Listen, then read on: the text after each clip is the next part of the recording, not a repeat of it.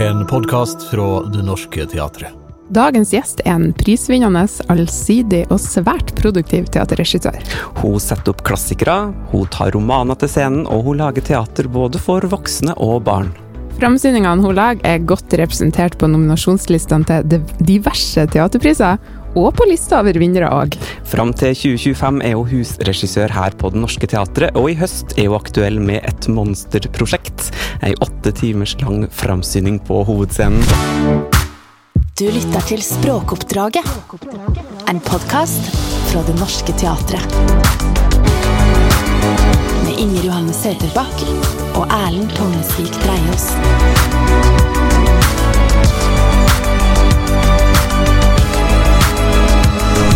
Velkommen til språkoppdraget, Kjersti Horn.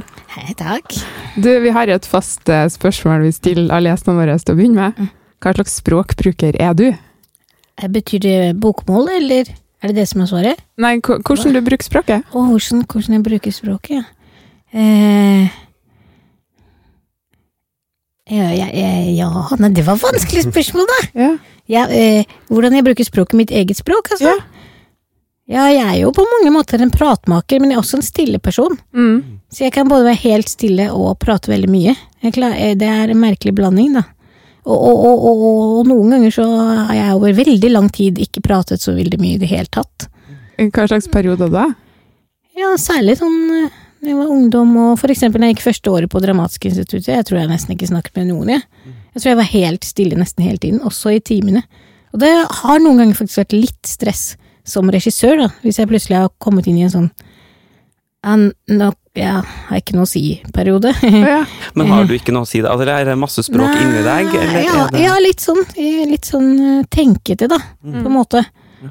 Eh, fordi noen tenker at jeg er sånn veldig ekshibisjonistisk og prater hele tiden, men egentlig ikke. Mm. På en måte. Er du- Er du inne i en prateperiode nå? Ja, men litt, men det, det er også noe med Sånn som oppe på Kristin nå, da, så er det jo veldig sånn fint, eh, godt rom å være i. Alle har Jeg tror, eller jeg skal ikke prate for alle, men jeg opplever det som veldig bra rom å være i, hvor man faktisk kan være liksom helt Man kan si hva man vil. Man kan være ærlig og være seg selv, da. Jeg liker ikke så godt sånn, heller sånne produksjoner hvor man liksom må spille at man er regissør, hvis du skjønner. Ja.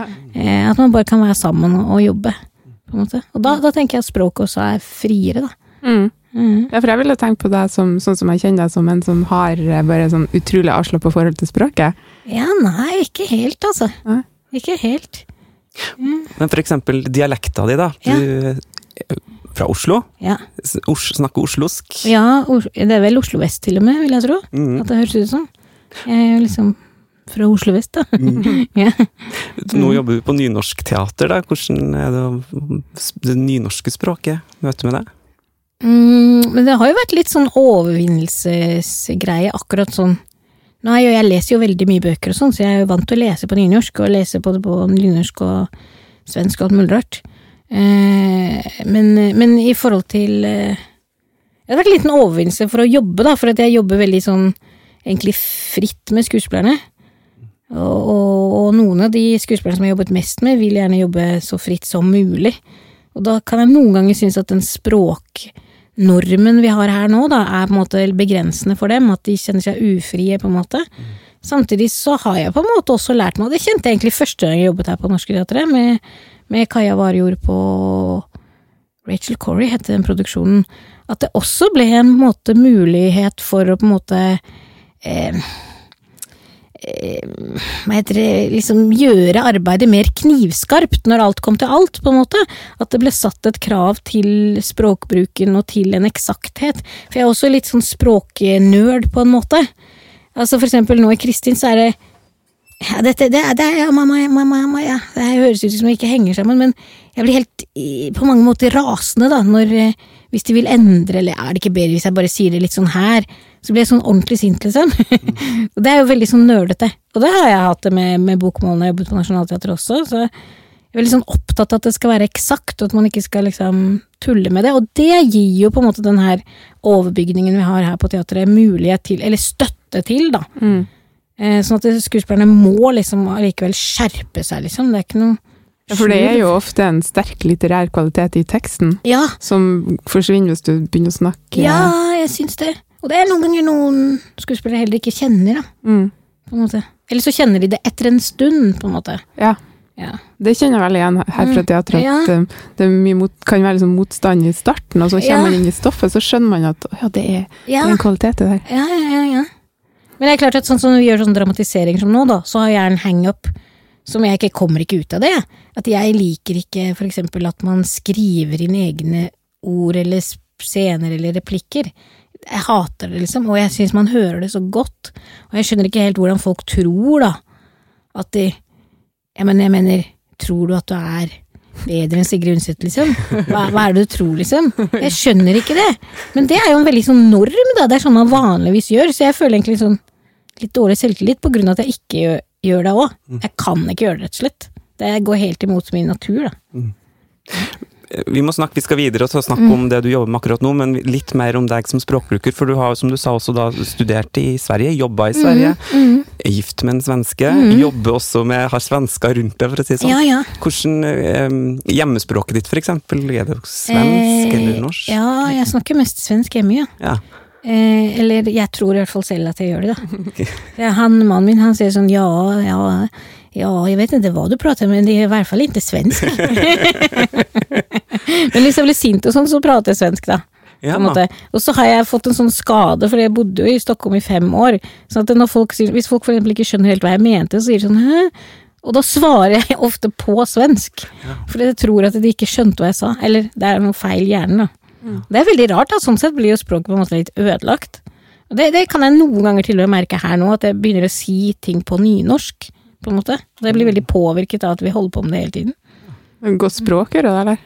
Jeg vet ikke. Jeg vet ikke. Men du, du sa i, i stad at du var veldig stille i, i starten i Sverige. Ja, Når på en måte knekte du koden på språket? jeg vet ikke. Jeg tok i hvert fall et år før jeg i det hele tatt turte å prate. Jeg tror ikke jeg snakker svensk da, altså, men Nei. Jeg bruker lang tid på sånn Det har jo sikkert kanskje ikke med språk å gjøre, men hvordan man er som person. Mm. lang tid på å liksom kjenne meg inn i, i sånne sosiale situasjoner. Da, på en måte. Nå slipper jeg det. Nå har jeg fire barn som er mest hjemme, så jeg slipper å gjøre så mye. Snakk dem svensk? Eh, De kan snakke svensk, Ja. men de snakker aldri sånn. De er ikke sånn ødelagt som meg. Nei. De snakker ikke svensk til faren sin, liksom. Vi tenkte også å snakke litt om det profesjonelle språket, fordi altså, du er jo til teaterregissør. Um, vil du si at du sjøl har, har du en signatur eller et formspråk som er ditt teaterspråk? I, i snakkespråk? Nei, i måten du jobber på. sånn Eller språk i overført betydning, egentlig. Ja, altså jeg har jo liksom litt sånne hangups selv også der, da.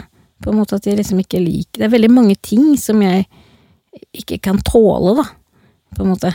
Forskjellige teaterkonvensjoner, da. Nei, for eksempel svarte tepper som man henger opp, og så later man som at det ikke syns, for eksempel, eller også mye med kostymer og sånn som jeg ikke liker, da. Jeg liker veldig mest at de skuespillerne har på seg ting som ser ut som deres egne klær. For jeg blir veldig opptatt av de menneskene. Og, og, og når man plutselig liksom later som kle jeg, vet ikke. Det er sikkert med hvordan man bygger karakterer å gjøre, eller hvordan man jobber å gjøre. Men jeg vil at det skal være så liksom nære dem som mulig, da. Pluss at jeg tenker også, også språklig, da, sånn som med Kristin nå, at det, ofte syns jeg at mye teater blir så veldig banalt. At det er liksom som om noen skal se hva jeg har fantasert, liksom, fram. Men jeg vil på en måte at det skal bli litt mer som når man leser en bok, at det oppstår At vi lager et rom der det, oppstår bilder i Vi tillater at det oppstår egne bilder hos, hos eh, publikum, da. På en måte. At vi ikke liksom har malt ut alt for dem.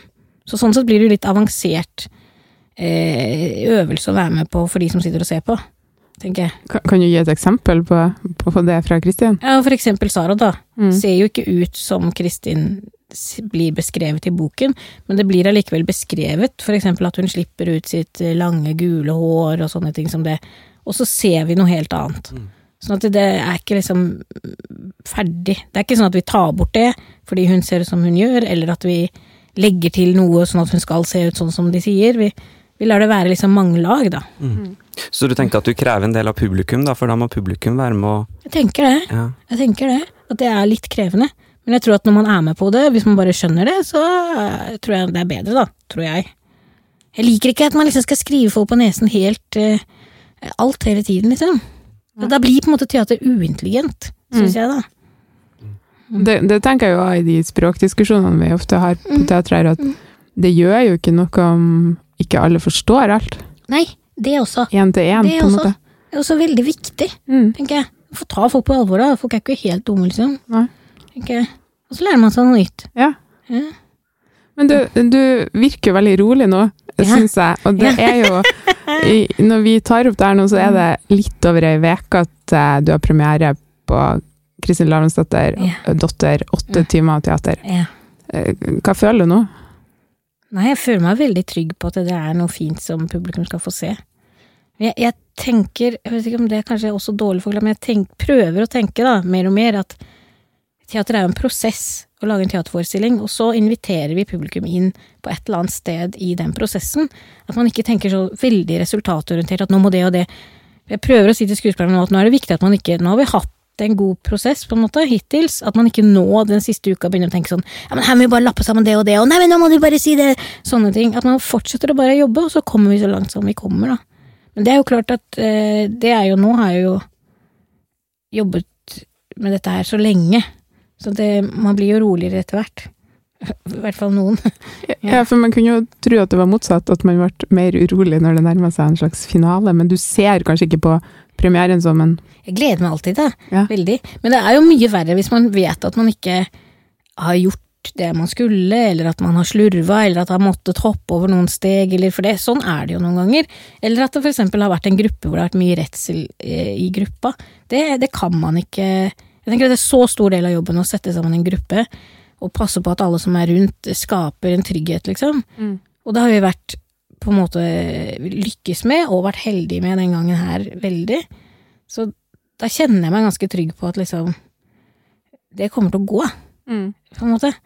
Men det verste er når det er eh, at noen har blitt veldig redde. Eller eh, at jeg har blitt veldig redd. Det tenker man ofte ikke på, men regissøren kan også ofte få skrekk. Og da blir det, da blir det skrekk overalt. Så det er nesten det skumleste. Hva gjør du da? Nei, Når du får skrekken, liksom? Nei, det har ikke mye å gjøre, altså. Bare, jeg har jo vært med på noen sånne prosjekter hvor det liksom, man har blitt redd. Og det er jo ofte fordi noen andre er redd, og så prøver man å skylde på hverandre, og så blir det mer skrekk. Og det er veldig vanskelig å snu en sånn prosess hvis det først oppstår. Hva, hva, er man redd for? hva er du redd for, da? Jeg tenker at skuespillerne er jo veldig redd for at de skal det skal, Jeg vet ikke, drite seg ut. jeg vet ikke. Og så blir jeg på en måte Jeg er veldig nære til skam, da. Blir skamfull for at jeg ikke kan hjelpe de, og så tenker jeg at jeg har gjort en dårlig jobb, og så Ja. Ja, det kan være noen sånne dumme valg man har gjort som er umulig. Plutselig ser man at man har laget et rom som er helt umulig, for eksempel, eller ting som man ikke kan hjelpe de med, eller Ja, ja, det er ikke Jeg synes det handler så mye om psykologi, da, sånne her prosesser. Mm. Egentlig. Um, Kristin Lavransdatter, Mm. et eh, storverk i mm. norsk litteraturhistorie. Mm. Når du sa at du hadde holdt på med prosjektet lenge, når Mhm. husker du når du leste Kristin Lavransdatter første gang? Ja.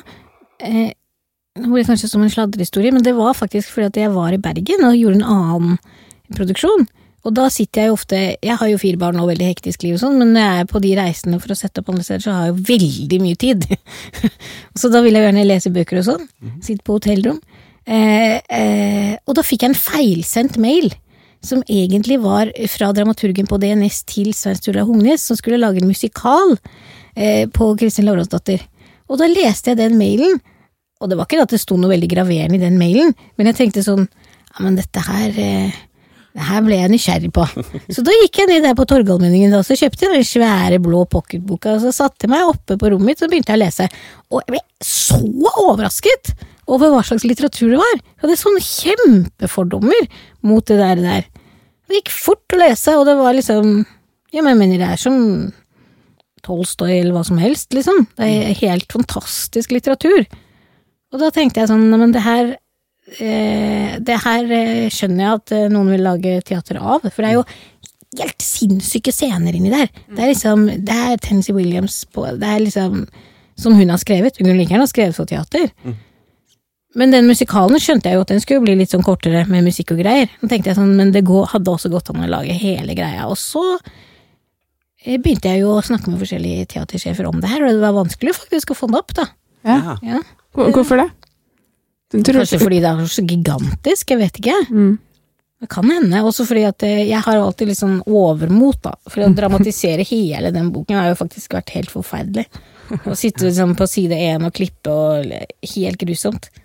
Så vi, vi laget jo den første boken på Trøndelag Teater, faktisk. Og da var faktisk planen at vi skulle lage alle tre. Men når jeg hadde jobbet med det veldig lenge, så måtte jeg si ifra at det går faktisk ikke. Eh, så det ble redusert, da. Mm. Så da var jeg liksom ikke ferdig med det. Nei.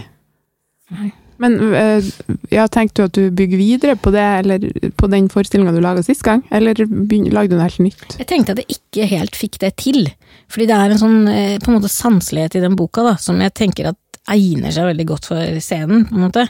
Som jeg ikke fikk til, rett og slett, syns jeg.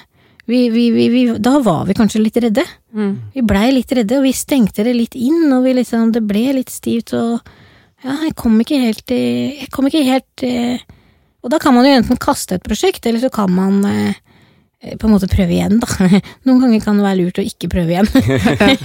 jeg har for eksempel Rikard 3. har gjort flere ganger, og da har jeg tenkt jeg skulle tatovere her sånn aldri gjør det igjen! For det går ikke. Men jeg, men jeg hadde den følelsen med Sara, skjønner du. Eh, Sara Korami. Jeg hadde en sånn følelse inni magen at hun skulle gjøre det. Eh, sånn at eh, Og så var det jo Erik som sa sånn at han ville at vi skulle gjøre et sånt stort prosjekt, og om jeg hadde noen ideer, og da var det nesten selvsagt, da. Erik Ulsby, teatersjef. Yes. Mm. Ja. Ja, så du var på en måte avhengig av å ha din Kristin? Jeg tror nesten at et sånt her prosjekt mm, Ja, jeg tror nesten det. Og det er rett også. Selv om jeg ikke kjente Sara så godt, så er det jo helt, kunne jo ikke vært en bedre person til å gjøre det. det. Det har jo også veldig mye å si for den gruppa, at hun på en måte står så kjempetungt og sterkt i den karakteren. Hva er det som gjør henne så riktig, da? Jeg vet ikke, men jeg opplever det som at hun Både hennes liksom alle livserfaringer, liksom, men også hennes liksom temperament. At hun har veldig sterk liksom kontakt med, med, med, med både sorg og sinne og pasjon, og, og kombinert på en måte med et intellekt, da. Og modig på en måte til å være helt naken, både i prosessen med de andre og, og, og på scene. Altså emosjonelt, da. På en måte helt ærlig. Og hun er raus med de andre. på en måte Og da tenker jeg at hun klarer å gjøre Det fins jo også sånne klisjébilder av Kristin Lavransdatter fra Liv Ullmann sin film og bla, bla, bla, hvor hun er på en måte ganske eh, forsiktig jente, da. På en måte. Men jeg syns på en måte Sara ser at hun har på en måte en revolusjonær kraft i seg. Og, og klarer å liksom bære det med seg helt fra første øyeblikk. da. Mm. Det er unikt, da. Men hun er jo også en helt unik skuespiller, må jeg si. Jeg har aldri nesten møtt en sånn kraft, på en måte. Faktisk. Mhm. Kan du si noe mer om det rommet du snakker om nå, at det skal være riktig, og at det skal liksom forløse? Hvilket rom er det dere, dere skaper på hovedscenen her nå? Sånn rent fysisk? Ja. Ja. Det er jo et veldig, veldig nakent rom, da. Det er veldig lite å holde seg i, og det er eh, Jeg, jobber jo veldig mye med noen rom som er eh, Jeg er opptatt av at skuespillerne skal settes i en reell fysisk situasjon. Man kan noen ganger se på scenografier som liksom eh, et bilde, på en måte, og så står det noen skuespillere i det bildet. Og det kan jo være fantastisk, men jeg, jeg vil at det skal være skuespillerne eh, på en måte blir påvirket i kroppen sin på ekte, på en måte. Så det er ulike, vi jobber jo også med ulike elementer, så er vann og skum og jord og ild og alt mulig sånt noe. Her får man jo liksom grotte seg litt inn i sånne primalgreier, da. Jeg kan si Det har vært en del jord i gangene på norske teatre de siste ukene. Ja, hjemme hos oss også. Det kommer inn overalt. Ja. Nei, så er det jo en plastduk foran, så de er veldig avskjermet fra, fra publikum. Men jeg er veldig opptatt av det her med avstand og nærhet, og hva skjer med skuespillerne når de ikke egentlig kan på en måte eh, lene seg mot publikum eller kjenne publikum ordentlig. Det skaper en annen sånn intimitet mellom dem. Da. Men de er jo veldig aleine der inne, egentlig. Og de må på en måte holde fast i hverandre. Og de skal spille i åtte timer, så det er på en måte en både idrett og kunst og alt mulig rart på en gang. Og så bruker du også film eh, i den Ja, forestillinga Det gjør det jo på en måte ikke bedre for dem. At de har et kamera oppi trynet, på en måte. Og ikke kan, de kan Skuespillere liker jo også ofte å gjemme seg litt av og til, eller og liksom Det kan de på en måte ikke. De blir liksom sett uansett hva de gjør. Og så kommer man veldig, veldig nære. Så liksom bare det når man rødmer eller svetter eller gråter eller hva som helst, så, så får man det kjempestort som publikummere. Det er veldig fint, faktisk. Jeg, jeg syns den salen også er jo vanskelig, for den er så svær. Eh, jeg var veldig, noen ganger så tenker jeg sånn, ja, men jeg bare se på noen bitte små prikker der nede. Men med det her eh, skjermene som er nå, så syns jeg at uh, man kan sitte helt bakerst, og det er helt fantastisk, liksom. Det er veldig bra, da. Mm. Altså, det er Da trenger du Ja, du, du får et sånn veldig nærbilde av alle følelser, da. Så, Ja. For du, det er vel egentlig Man kan jo vel egentlig spille på, på en så stor scene, så kan man vel nesten egentlig spille litt sånn karikert. Ja, jeg skulle Ja. For, for å bare Ja. ja. Men så kommer helt opp. Det, kommer helt, opp- det er jo også en utfordring for hvordan de spiller, og det lurer de fælt på. Da. De spør meg masse spørsmål om men jeg tenker at det går an å spille både stort og lite. Mm. Så det blir litt eh, Mange så jo sikkert din forestilling Raskolnikov her Mhm. på Den gikk jo på scene tre, den minste scenen yeah. vår. Der, der var jo skuespillerne nesten ikke på scenen, men vi Mhm. fulgte dem på film hele. Mhm. Så det du Ja, jobber vi, videre med. vi jobber jo med det samme teamet, og det er annerledes her fordi du også har Her får du Det syns jeg også er gøy, da, å jobbe med sånne her delte perspektiver. For det Ofte så skal man liksom styre så veldig hvor publikum skal se, men jeg syns det er gøy når man kan velge litt som publikummer. Eller forvirre publikum litt, da. Eh, Men her ser du jo også skuespillerne på gulvet. Hele tiden, nesten hele tiden. Så at det blir eh, I Raskolnikov så fortalte jo filmen hele historien. Det er det ikke her. Nei. Her er det sånn at du kan like gjerne få et bilde kjempelenge på en som ikke snakker, mens de andre holder på med en scene, liksom. Så det er litt annerledes, men det er allikevel å bygge videre. Det, det, er lite, det er lite sånn middelalder over estetikken. Hva, Ja. hva har du gjort med teksten? Hva det gjør med teksten? Nei, hva du har gjort med teksten når du har dramatisert den? Jeg har bare tatt eh, det og klippet det litt kortere. Ja. Så det er ikke, ikke noe modernisering? Nei, de sier jo at de har på seg munkekutter og brenner bål og alt mulig rart som de ikke gjør, da. Mm. Men jeg, og noen ganger så er det også har vi, drar vi det helt ut sånn at de faktisk står og setter inn i oppvaskmaskinen og sånn samtidig. Sånn at det blir en eh, Hva heter det? Stor, det blir liksom eh, Ja, det blir ulike bilder å sette sammen, da, men jeg tror også at det gjør at man Håper, da, i hvert fall. At det gjør at man skjønner at det her kunne like gjerne vært oss. Mm.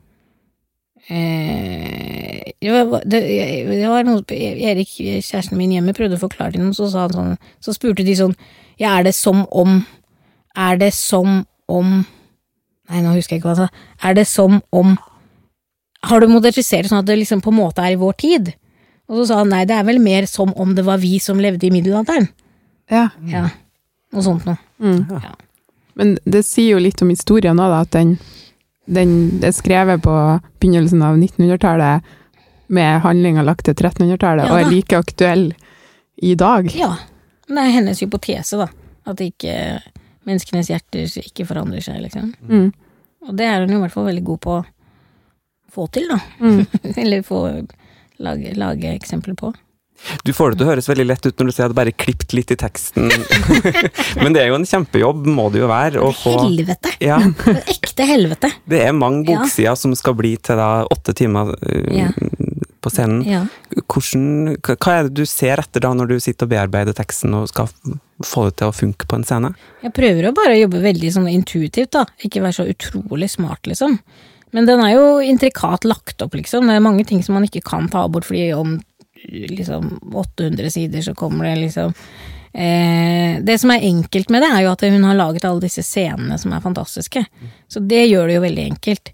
Jeg har jo en plan nå at jeg skal lage på Teaterhøgskolen etterpå skal lage 'Mennesket og makten' av Ola Duun. Ja. Og, og det har jeg ikke begynt med, men der er det jo ikke noen scener i det hele tatt. Det er jo enda mye, mye, mye, mye, mye, mye verre. Eh, sånn sett så det, det er enkelt, det får man payo for å bare løfte ut de scenene, men men altså, det, det, det, det, er som å brodere en bunad, liksom. Det er helt forferdelig. Liksom. Jeg, og jeg har virkelig vært, tenkt sånn dette her, jeg skulle aldri Du ser liksom at det er 600 sider igjen du ikke har kommet gjennom. Og så går det ikke an å jobbe fort med det. Jeg er en veldig sånn rask person. Jeg liker det bare og så få ting gjort. Dette her går ikke an å jobbe raskt, men det tar uendelig tid å sitte og klippe og klippe og klippe. og klippe. Ja. Men du har jo gjort det her noen gang nå. Du, du har jo dramatisert en del bøker for scenen. Mm. Mm. hva altså, med jevne mellomrom så kommer Mm. det opp kritikk av det. Ja. At eh, romaner Mm. blir satt opp på scenen. Mm, mm, mm, mm, mm. Hva tenkte du om det? Nei, jeg tenker ikke at man skal tenke så mye på det. Jeg tenker, men jeg tenker i minste en ting som har vært viktig for meg når jeg begynte med det. Ja. Det var jo lite grann, egentlig kanskje det med arv og miljø som vi gjorde for alvor første gang. Det var jo litt å finne de rollene til damer. Som faktisk er eh, de store idébærerne i store dramaer, liksom. Og der mener jeg virkelig at eh, litteraturen ligger langt foran eh, dramatikken. Eh, ja. Så det, det har kanskje vært det som ledet meg mest inn i det. Eh, ja. ja. Og, og lete etter det, da. Mm. Og så kan jeg nå etter hvert også synes at Men det, kanskje, det går kanskje i perioder, men jeg synes det er gøy å ha på en måte makt over materialet på den måten. Eh, ja. Ja, som dramat, eller som den som har dramatisert det. ja, og så liker jeg liksom også at de jobber med så store, eh, nesten umulige mengder av tekst, da. Det er jo noe sånn språkfetisj, liksom, da. For noen ganger kan jeg synes at liksom de teaterstykkene blir liksom Ja ja, var det ikke mer enn det her, liksom? Mm. Jeg, veldig, ja. Så liker jeg å lese, da. Jeg leser og leser og leser veldig mye bøker. Mm. Og jeg syns ikke nå lenger at det er så mye dramatikk som jeg syns er så morsomt å lese. Det kan hende det kommer tilbake. Men jeg gleder, da kan jeg kombinere på en måte hobbyen min og, og jobben min litt, da. Ja. Eh, Jeg syns ikke det er så morsomt å sitte og lese skuespill. Men bortsett fra kvinnerollene, hva, hva er det annet som skal til for at du på en måte skal kicke på en historie? Ja, si det, du. Nei, det er jo ikke For det er jo ikke nødvendigvis en sånn opplagt rød tråd i de bøkene du har dramatisert. Som, Nei. Men jeg, jeg føler hele tiden at det, også bare når jeg leser bøker hjemme, holdt jeg på å si, eller det, man leter jo hele tiden etter liksom en form for liksom Jeg tenker alt det arbeidet vi gjør, det handler jo ikke om å lage en bra forestilling, det handler jo om å prøve å forstå noe om hvordan man skal leve i verden, hvordan man skal klare seg, liksom. mm. Og, og det kan jo være litt ulike ting i livet som man henger seg opp i, eller som man prøver å finne Jeg blir så veldig glad da når jeg kjenner sånn Å, her er det noe. Og ikke for at jeg finner et svar, men det bare er noe å lete i, noe å holde seg fast i, liksom. Uh, nå er kanskje ikke Kristin Lavransdatter den historien som ligger meg aller nærmest, sånn sett. Det er andre prosjekter som har vært viktigere for meg, da. for eksempel alle Edvard-prosjektene som jeg har gjort og sånn. Mm. Jeg på en måte føler at det, det er noen som prøver å snakke om noe som jeg ikke klarer å finne ord på, da, på en måte. Mm. Som jeg må ha hjelp til, liksom. Det er på en måte det, og da er jo teaterprosessen helt fantastisk også, hvis man kan jobbe med mennesker man stoler på, og faktisk på ekte prøve å finne ut av ting, og prøve å forstå litt bedre hvordan man skal, hvordan man skal klare seg i virkeligheten. Ja, Det er liksom forskningsarbeid, nesten. Jeg syns det. Jeg syns det. Mm. Og det er helt fantastisk å ha en sånn jobb, da. Ja. Men jeg liker ikke når, de, når teater ikke blir sånn. Nei. Når teater blir at man skal bare lage noe som folk skal like, eller noe som skal liksom Da syns jeg ikke det er det, Det er rett og slett er teit. Det skal liksom brenne litt for deg. Ja, det er også veldig slitsom jobb, da. Det krever jo veldig mye, liksom. Så, ja, jeg syns det, sånn, det må være en eller annen form for liksom, noe man prøver å finne ut. Så du tar ikke på deg sånne små sånn innimellom nå bare lager jeg det. Nei, det er, Jeg er ikke noe flink til det heller. Nei. Og da kan jeg også bli sånn flau og helt stille. Så det, det Ja. Ja. Nei. Jeg klarer det ikke, rett og slett. Nei.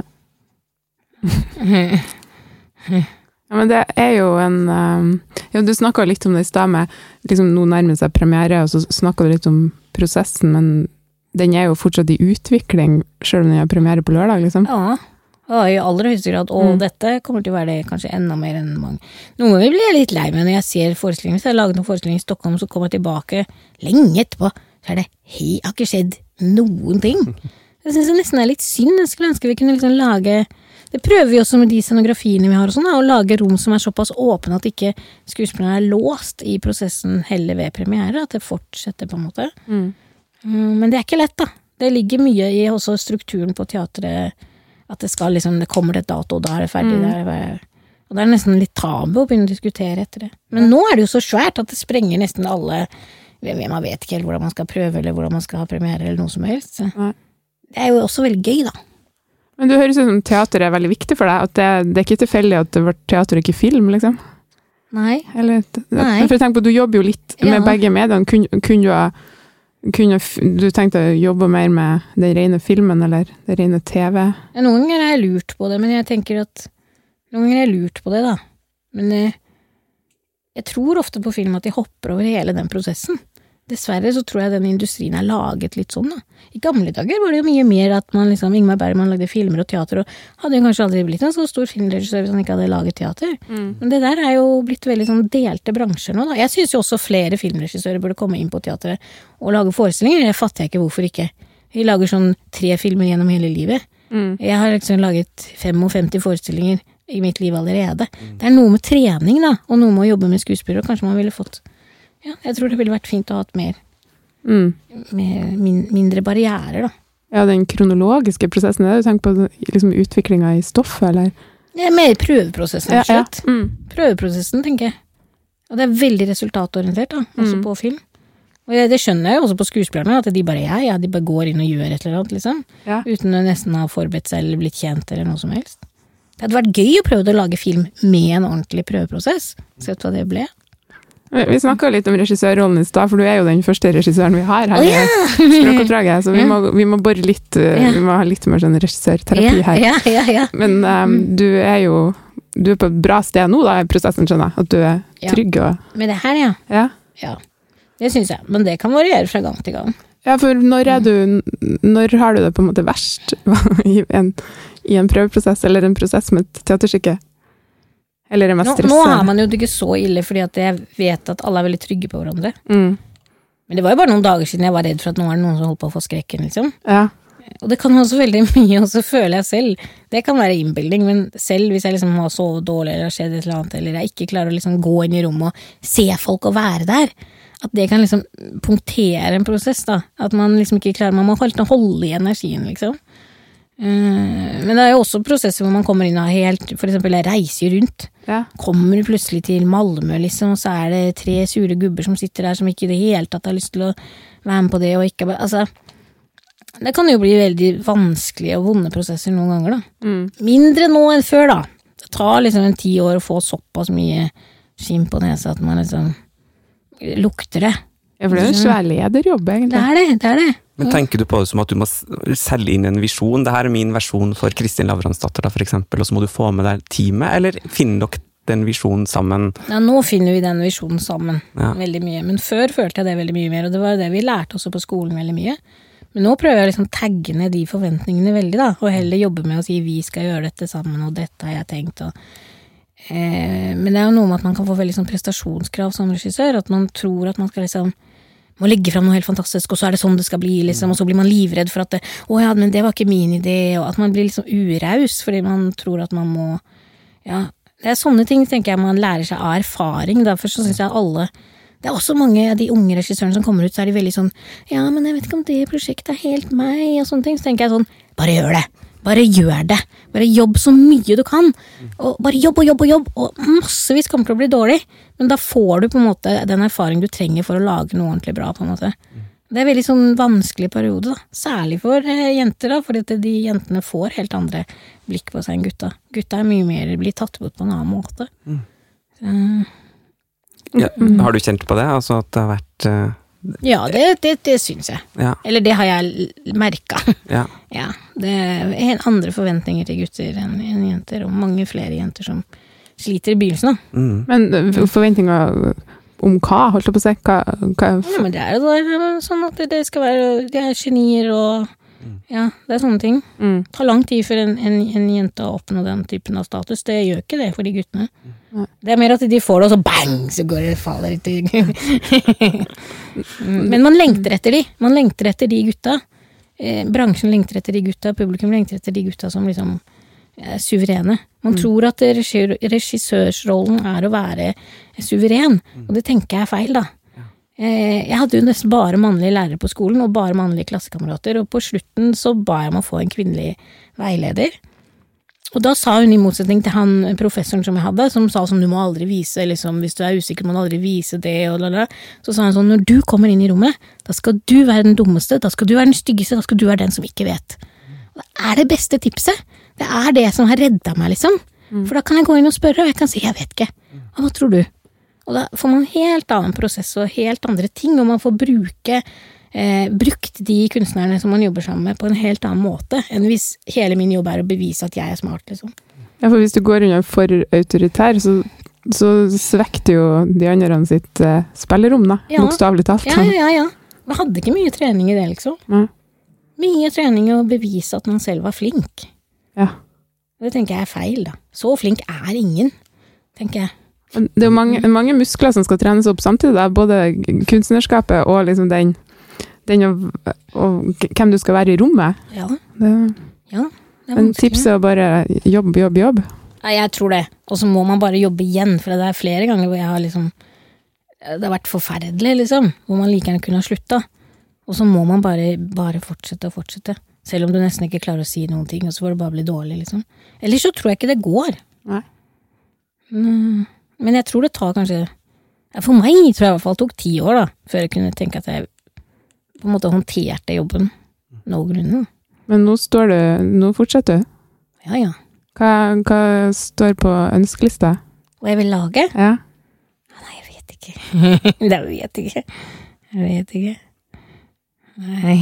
Men jeg liker å lage de jeg liker, Det er min store skrekk, da, fordi jeg vil Jeg var heldig for at jeg fikk jobb fra Benny Fredriksson på Stockholm Stadsteater etter skolen, og han var liksom litt sånn han hadde, ja, Litt som dette teatret, han hadde så stor produksjon at han kunne ta sjanser. Så han satte jo meg opp på store scenen ganske fort. Uh, og, og så har jeg også hatt en strategi at jeg liksom skal gjøre alle de mannestykkene. ja. Alle de som de voksne mennene gjør, og at jeg ikke skal gjøre barneteater, tror jeg har vært veldig smart. Ehm, nei, men jeg er livredd hele tiden for at jeg skal Jeg syns det er lett å havne Jeg vil så gjerne gjøre de store formatet, da. Det er det jeg liker best. Mm. Jeg liker ikke egentlig å jobbe på scene 3, da. Jeg blir irritert, liksom. Og nå fikk, nå fikk jo eh, forestillinga du lagde på Scene 3, Ja. Raskolnikov ble kåra til årets forestilling i Ja. 2019, Ja så da. du har jo på en måte Ja. klart noe der òg. Ja da, men da tenkte jeg at det smarte var å lage stort format på liten scene. Mm. Du sprengte formatet Ja, med den Det forestillinga. tenkte jeg. Det tenkte jeg for å redde meg. Ja. Ja. Jeg har hele tiden drevet av skam. Ja, ja, ja. Ja, Vellykka formel. eh, Ja, ja, formel det blir ja, ja, ja, det anbefaler vi alle å bli drevet av skam. ja, ja, det er veldig bra. Da blir det, det blir godt teater. Da. ja, ja. Du har jo det samme folkene du jobber med ofte. Mannen din Erik som er Mhm. lyddesigner, og Svein Haraldsson som er scenograf. Mm. Hvor viktig er det? Mm, Jeg syns jo det er veldig viktig for meg nå. Men jeg har jo ikke jobbet hele tiden med det teamet heller. Men vi ble jo utdannet i team, som det heter, da. Ja. Vi gjør det ikke på Teaterhøgskolen her. Eh, og det tenker jeg var en veldig kraft, liksom.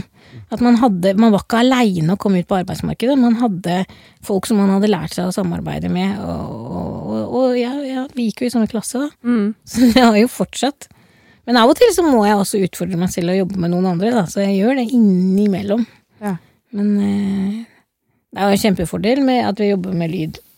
Kan jobbe hjemme på kvelden og natten, for eksempel. Da. Eh, det tenker jeg er viktig. Ja. Mm.